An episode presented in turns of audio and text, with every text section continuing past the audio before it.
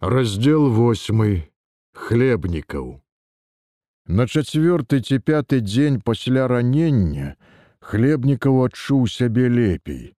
Мусіць адляжаўся нават выспаўся а галоўнае перасталі востра балець вочы і галава і тады з'явілася надзея што можа яшчэ выжыве Не адразу ён прызвычаюся да той думкі, што ўжо не ваяка, што ягонае вайсковае мінулае засталося ўсё ззаду і калі і выжыве, дык яго чакае нешта зусім іншае, амаль невядомае яму. Найперш слепата. Бачыць яму ўжо, мабыць, не прыйдзецца ніколі, прыйдзецца век жыць уначы. Канешне, калі толькі ўдасся выжыць. Гэтая жанчына серафіма уратавала яго ад голаду, адпаіла зёлкамі. Немец, дзякуй яму памог медыцынай. Учора каторы раз прамыў чымсьці смярдзючым вочы, было балюча і нязвыкла, але затым стала лягчэй.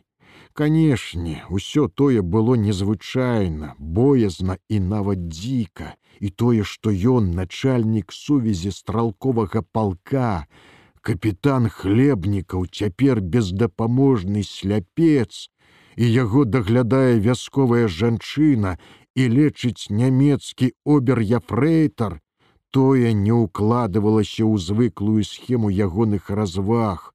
У тое нават трудно было поверыць. Але чорт з ёй са схемай, думаў капітан, усё ж ён быў жывы і нават папраўляўся быццам, а гэта галоўнае. Што яшчэ можа быць болей галоўным на вайне, тое, што ён цяпер апынуўся ў становішчы нечуваным, выключным, мусіць, вызваляла яго ад многіх ранейшых абавязкаў і давала нейкія новыя і нязвыклыя магчымасці. Найперш ён адагнаў ад сябе розныя страхі і сумненні, Ён прымусіў сябе не баяцца нічога. Будь што будзе, ці яму ўжо было што губляць. І ўсё ж яго непакоіў немец, які так нечакана ўторгся ў ягоны лёс і нават рабіўся патрэбным. Тады на пачатку мусіць бы хлебнікаў прыстрэліў яго, калі б хоць трохі бачыў, не таму, што баяўся яго, а так для пэўнасці. Той дзень, як ён паявіўся ў бліндажы і даў закурыць, хлебніка ўсё намерваўся, каб як зрабіць гэта нечакана і пэўна. Але гэты немец, нібы адчуваючы ягоны намер, бы жывое срэбра круціўся па бліндажы, шархочачы то ў куце насупраць, то ля сцяны ў нагах, то ля выхаду. Гэтак не трапіш, а ўжо ён пэўна не прамахнецца. І хлебнікаў пакуль што адклаў свой намера за тым, як той узяўся лячыць яго вочы і зусім кінуў думаць пра тое. Чорт з ім, Хай жыве, тым болей, што ён сам быў цалкам ва ўладзе гэтага немца, які мог застрэліць яго кожную хвіліну. Але калі яшчэ не страляў, дык значыць, не хацеў таго. Можа, у яго былі якія свае на тое намеры. Можа, нашы яшчэ неўзабаве вернуцца, адаб'юць гэта раёну немцаў, і тады ён будзе выратаваны. Інакш трэба было шукаць дапамогу ў мясцовых. Тут ужо ўсе спадзяванкі на серафіму. Трохі дзіўнаватая гэта жанчына, думаў капітан, унадзілася ў гэтыя клопаты пра сляпога, затым пра немца, ды яшчэ правалакла і гэтага райкамаўца, як яна цяпер саўладае з імі трыма. Пракарміць і то мусіць трэба хорошы запас харчоў, а ў яе дома ні каровы, ні курыцы. Ды і спаленая вёска. А тут яшчэ з'явіліся паліцаі, чорт бы іх узяў тых пелепёнкаў як бы не ад іх ішла найбольшая пагроза серафіме. Могуць высачыць жанчыну, тады ўсім пагібель, А яна, здаецца, такая прастадушная і падаткая. Невядома, ці то была ноч, ці проста немец дземедовічым паснулі, хлебнікаў чуў толькі іхняе дыханне побач. Дземедовіч усё хрыпеў часам кашляў і нават мармытаў нешта ў сне, а капітан, чуйна скіраваўшы ўслых сваю ўвагу, слухаў і думаў. Ён быў кадравы ваенны, даўно служыў у арміі. Апроч тае службы мала што разумеў з жыцця. Адных толькі вайсковых клопатаў было яму пад завязку. Служба адбірала ўвесь час ад ранку да ночы, выходные таксама зіма праходзіла для яго за глухім гарнізонным плотам, лета з ранняй весны ў лагерах сярод сопак і дзікай прыроды далёкага ўсходу. Жанчын ён бачыў толькі ў пасёлку, ды на бліжняй станцыі гэта былі пераважна жонкі каманднага інач составу іх гарнізону. З незамужніх часам трапляліся сёстры ў шпіталі да афіцыянткі у камандзірскай сталовай, лічаныя адзінкі на многія дзесяткі камандзіраў жанатых і халастых. Выбар быў невялікі, маладыя жаніліся на першай, што бліжэй за іншых траплялася ў жыцці, і ён таксама ажаніўся з афіцыянткай марусей, што так міла усміхалася, раздуючы ім талеркі з вялікага падносу, што спрытна насіла між радамі сталоў. Харчаваліся не надта капсытна, малады апетыт быў неспатольны, і Маруся яго спакваля падкормлівала тым, што было на кухні.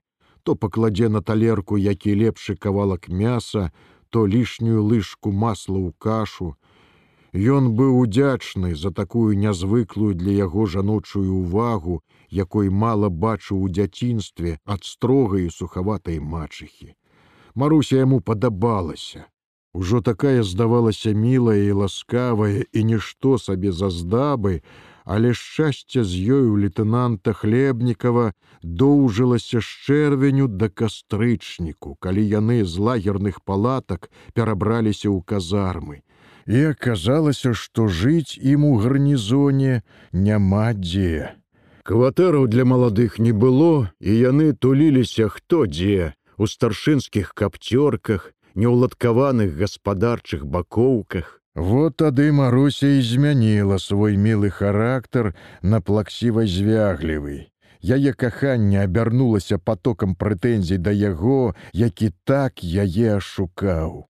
Яна ўжо не рабіла ў сталоўцы, а ўвесь дзень сядзела ў сваім кутку на паддашы казармы і нудліва чакала яго каб зараз жа як ён прыйдзе настылы ў поле галодны і знерваваны узяцца яго пілаваць за іхнюю неўладкаванасць за ягоную невязуху з жыллём за тое што ён гэтакі няўдачнік атрымлівае 600 рублёў у месяц і пяты год ходзяць у лейтэнантах а ў той час як ягоныя сябры пасталі капітанамі Доўга ён спрабаваў усё тое ператварыць у жарты, абяцаў даслужыцца да генерала, тым болей, што часу да таго ў яго хапала, расказваў пра труднасці з жыллём і тое, што не яны адны апынуліся ў такіх умовах. Нават старшыя камандзіры і тыя нярэдка дзялілі адну кватэру на дзве сям'і.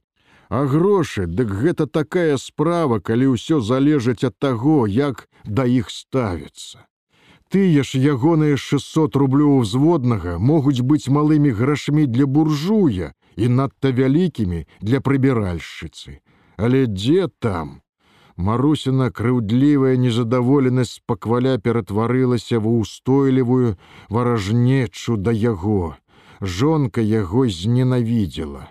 Як натура дужа зайздросная, Яна бачыла ўсіх іншых мужоў яе суседак лепшымі за свайго. Хоць ён ніколі не сказаў ёй грубага слова, стараўся пазбягаць звязгі і спрэчак.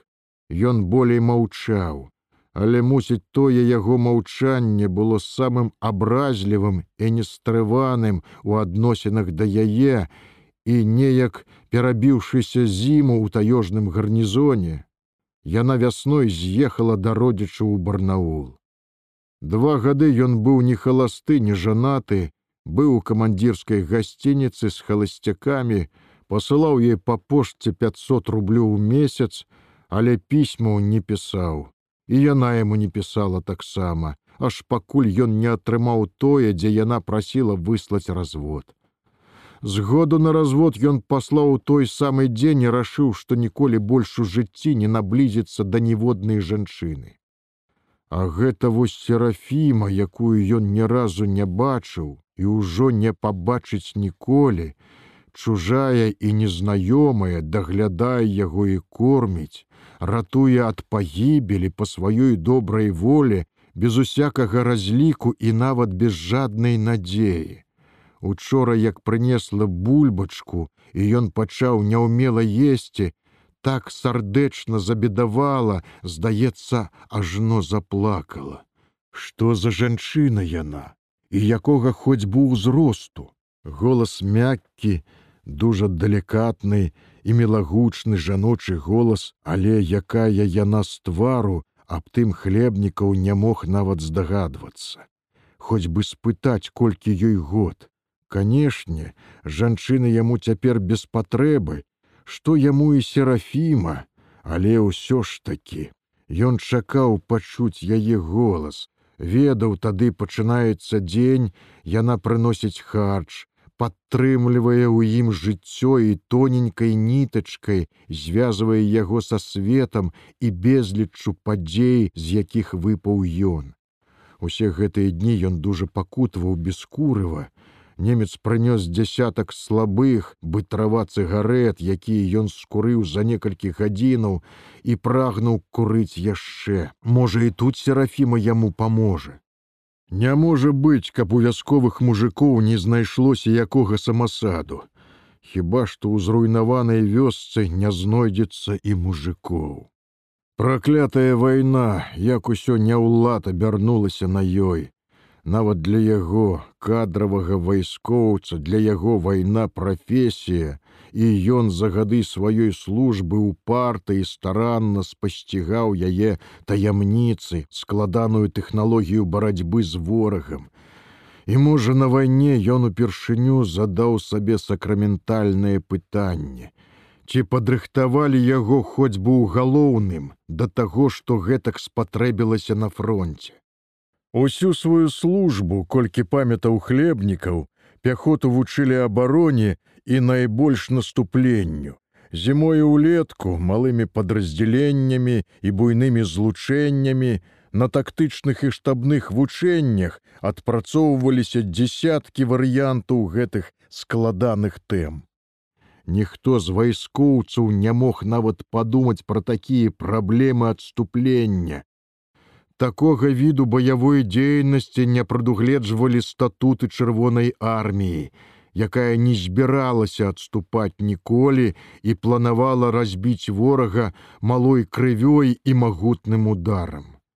Найбольш верагодным ворагам меркавалася імперыялістычная Японія. Там ля яе на далёкім усходзе адбываліся частыя стычкі і правакацыі.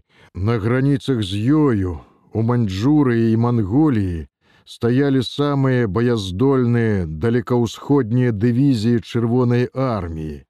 Камандзіры ўсіх рангаў і ступеняў нястомна вывучалі арганізацыю і тактыку японскай імператарскай арміі. Немцы перад вайною былі сябрамі. Іхнія камандзіры перад вайною вучыліся ў нашых акадэміях Дыпламаты і вайскоўцы рэгулярна прысутнічалі на нашых вялікіх манёўрах БВА і КВА. На захадзе быў пакт, мір і поўны ажур. А на справе атрымалася ўсё наадварот. Японцы мірна стаяць, дзе стаялі. Немцы ж пад прыкрыццём пакту ўварваліся ў краіну і адцяпалі ўвесь яе захад і не маем супынку пруць на Маскву і хто вінаваты ў гэтым. Іхні полк і дывізіі адступалі ад барановичаў, двойчы выходзілі з акружэння, перажылі танкавы разгром на беразіне, страцілі большую палову асабістага складу. Несціханым болем ныла душа па забітых сябрах, пакутавала ад бясконцых няўдачы паражэнняў, а розум ноччу ў ціхія хвіліны спакою ўсё перабіраў, варашыў тысячы розных прычынаў фактаў, каб зразумець. У чым справа, хто вінаваты? Неяк яны начавалі на хутары пад Менскам. Была цёмная ноч, збіралася на дождж, дружна насядалі камары, і каб уратавацца ад іх, хлебнікаў пайшоў спаць на хутар у хату. Там ужо былі палкавы начарт бурж, начхім емельяненко, нехта з байцоў, не запаліваючы святла яны палеглі на лаўках, але не спалі, гаманілі пра тое і гэта, а найбольш пра нашы няўдачы. І тады бурж сказаў, што ў такой сітуацыі, калі праціўнік навязвае нам сваю тактыку, трэба гэтую тактыку пераняць у яго гэта значыць нешта пазычыць у немцаў. Тое буршу найбольшай меры адносіў да дзеяння танкавых злучэнняў а таксама нямецкай пяхоты іхніх аўтаматчыкаў якія дзейнічалі зусім інакш чым гэта вызначалася ў нашых статутах. Не ў прыклад нашим баявым парадкам немцы наступалі ў адзін ланцуг камандзіры ў іх былі ззаду, адкуль кіравалі боем.